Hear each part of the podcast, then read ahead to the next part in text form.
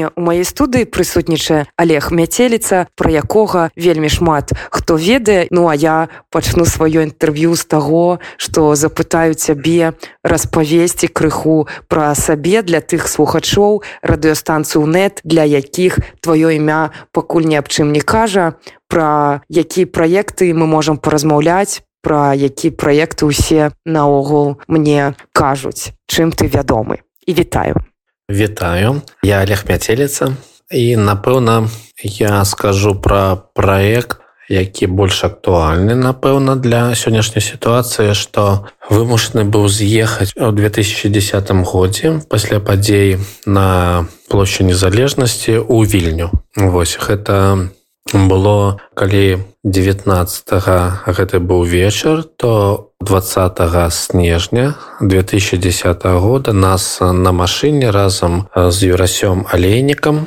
вывезлі ну не ў багажніку канешне але вывезлі за межы беларусі у невель это першае расійскае мястэчка на той момант у мяне ўжо было разуменне што мы мусім рухацца ў бок рассіі хоць і ўжо тады а зараз это ўжо вельмі аб'ектыўна мы не адчувалі сябе скажем спакойна будучи ў рассіі але мы ведалі што нам трэба выехаць туды і вельмі хутка патрапіць у мем не было ніякіх супярэчнасцяў і разумення што мы мусім быць у вільні. А калі нагадаць сітуацыю то уключаючы інтэрнетам увесь час выходзілі не ведаючы ну якія ёсць магчымасці ў спецслужбу беларусі і бачучы што ёсць арышты арышту людзей затрымліваюць офіс офісы накрываюць розныя журналістаў праваабаронцаў грамадскіх арганізацый інфармацыі нам стало зразумела што мы мусім выехаць за межы беларусі і у нас такое было ўражанне што зараз усіх арыштуюць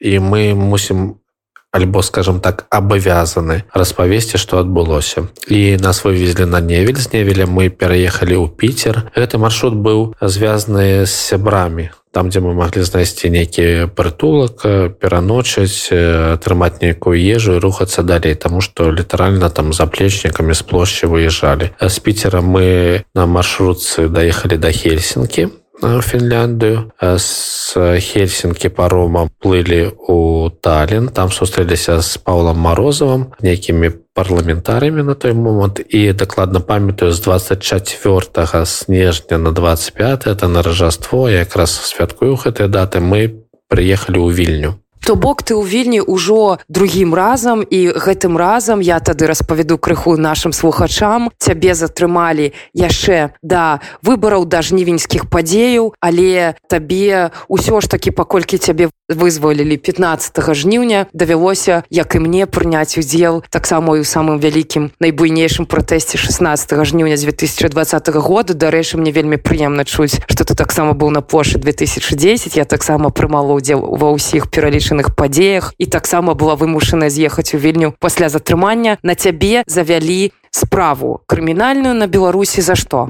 Я 15 выйшаў і калі я выходзіў пакуль не пераступіў парог рауса бялыніцкага я там знаходзіўся то я нават не разумеў сітуацыю што адбываецца. Але апошнія суткі я чуў праз сцены што ў горадзе ёсць нейкі рух машыны сігналюць вот ну нешта адбывалася. Хоць зусім не разумеў што адбываецца і што адбылося на выбарах. Калі я выйшаў мне сустракала вельмі шмат людзей. Это калі патлумачыць бялынічы гэта раённы цэнтр дзе пражывае 10 тысяч насельніцтва. І калі я выйшаў я зразумеў что ну у бялынічах но адбылося нешта но пра што я мог толькі марыць.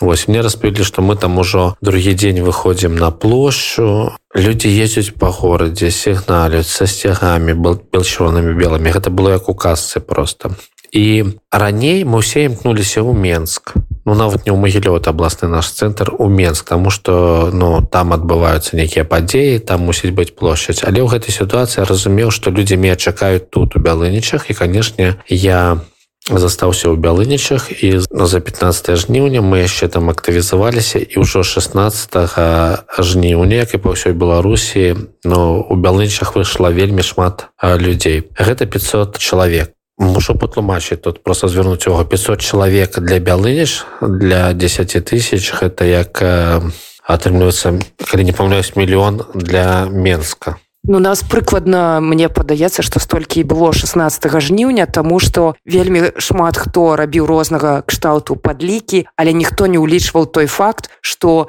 людзі рухаліся ў два бакі няспынна. Я сама сведка падзеў была ў менску гэты час у цэнтры ва ўсіх таких гарачых кропках. Людзі рухаліся няспынна у два бакі. Таму немагчыма казаць пра колькасць таму што яе спрабавалі падлічыць як быццам бы мы былі зафіксаваны на месцы ўвесь час. Але гэта не так. Таму канешне я разумею маштаб але по якім артыкуле у табе прадставілі абвінавачвання з-за якога ты быў вымушаны з'ехаць у літву другім разам ужо ў жыцці.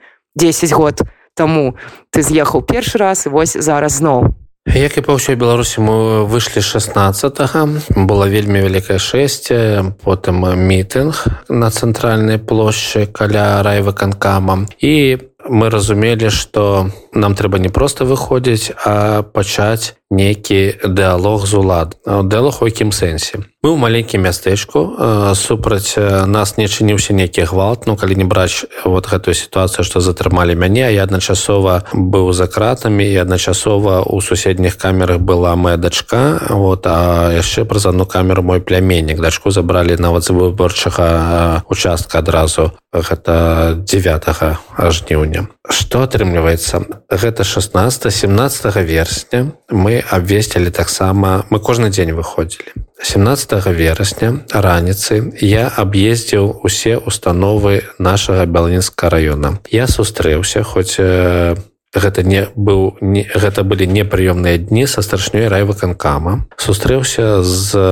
атрым як пасады называется старшыня раённага савета депутатаў з рэдактарам газеты з намеснікам па дыалогіі з прадстаўніком праваслаўнай царквы з прадстаўніком каталіцкай царквы з прадстаўніком пратэстанцкай царквы начальнікам раус з прокурорам ну усе вось такія адміністратыўныя арганізацыі з іх і мы прасілі вельмі іх прыйсці на мітынг 17 числа 17 жніўня. Для чаго? Мы казалі так мы мусім разумець вашу пазіцыю. Вось у менску адбыўся гвалт. Мы мусім разумець што вы як прадстаўнікі ўлады бялынска района што ад вас чакаць? Вы на баку людзей ну альбо вы на баку гэтага гвалту. Вось. Пра абвінавачванне скажу так что на мітынгу выступаючы я сказаў на што у нашым раёне адбыліся выбары але старшыня раённай выбарчай камісіі не абвесціла увогуле выніку мы не ведалі ні за не супраць. І я сказаў что нас падманулі і фурсава Ірына фурсава ёсць вор і фальсіфікатор якая скрала наши галасы. Натуральна что вёўся запіс міліцыянтамі якія былі на на плошчы і ўжо раніцы 18 жніўня мне по тэлефоне участковы і сказаў что я мушу прыехаць на размову у якасці подазраваемага по я могу зараз памыляцца 188 крымінальна альбо 388 я перапрашаю гэта крымінальны артыкул публічны паклёп і як за гэты час змянілася твоё жыццё? Вось э, якімі ты займаўся праектамі ў мінулым годзе як зарабляў на жыццё і што зараз робіш у вільні? Я табе часам бачу на нейкіх наших акцыях. Што змянілася за гэты вось паўгады які ты тут Ну калі казаць менавіта вот пра гэты перыяд калі я зараз у вільні я 26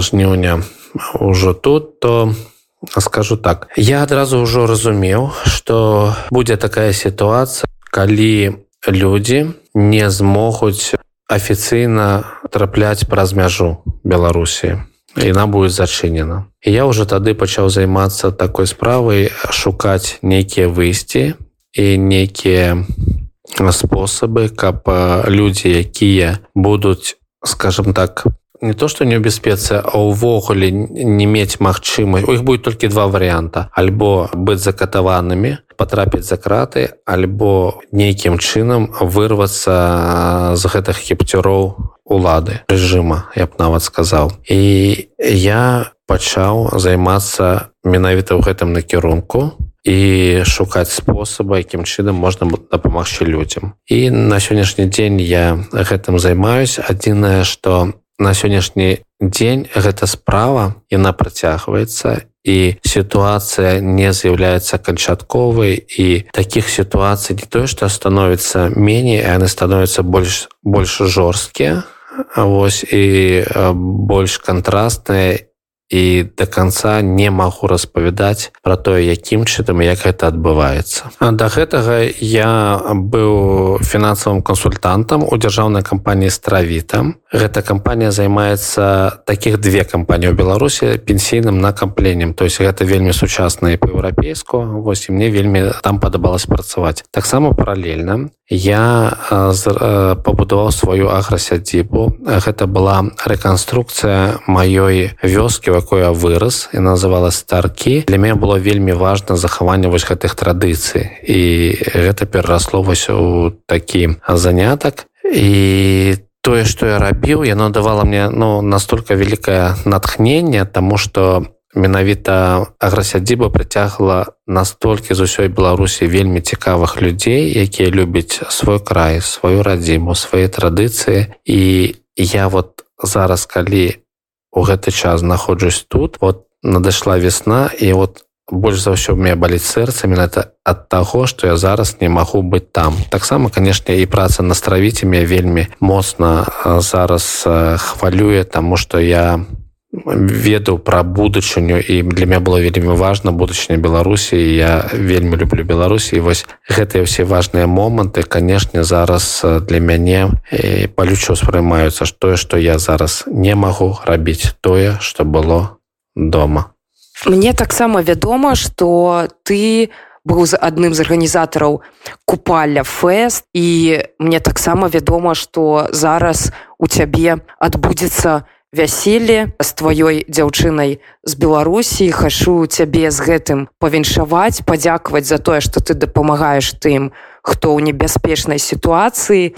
І падзякаваць за тое што знайшоў час з намі паразмаўляць. Вось распавесці на якой падставе можа быць пачаты пераслед беларускага актывіста. Дзякуй вялікі што быў сёння з намі Дякую вам вялікі за такую магчымасць і я заўсёды вельмі рады распавесці, каб людзі ведалі пра гэтыя лёсы. Жыве Беларусь. Жыве.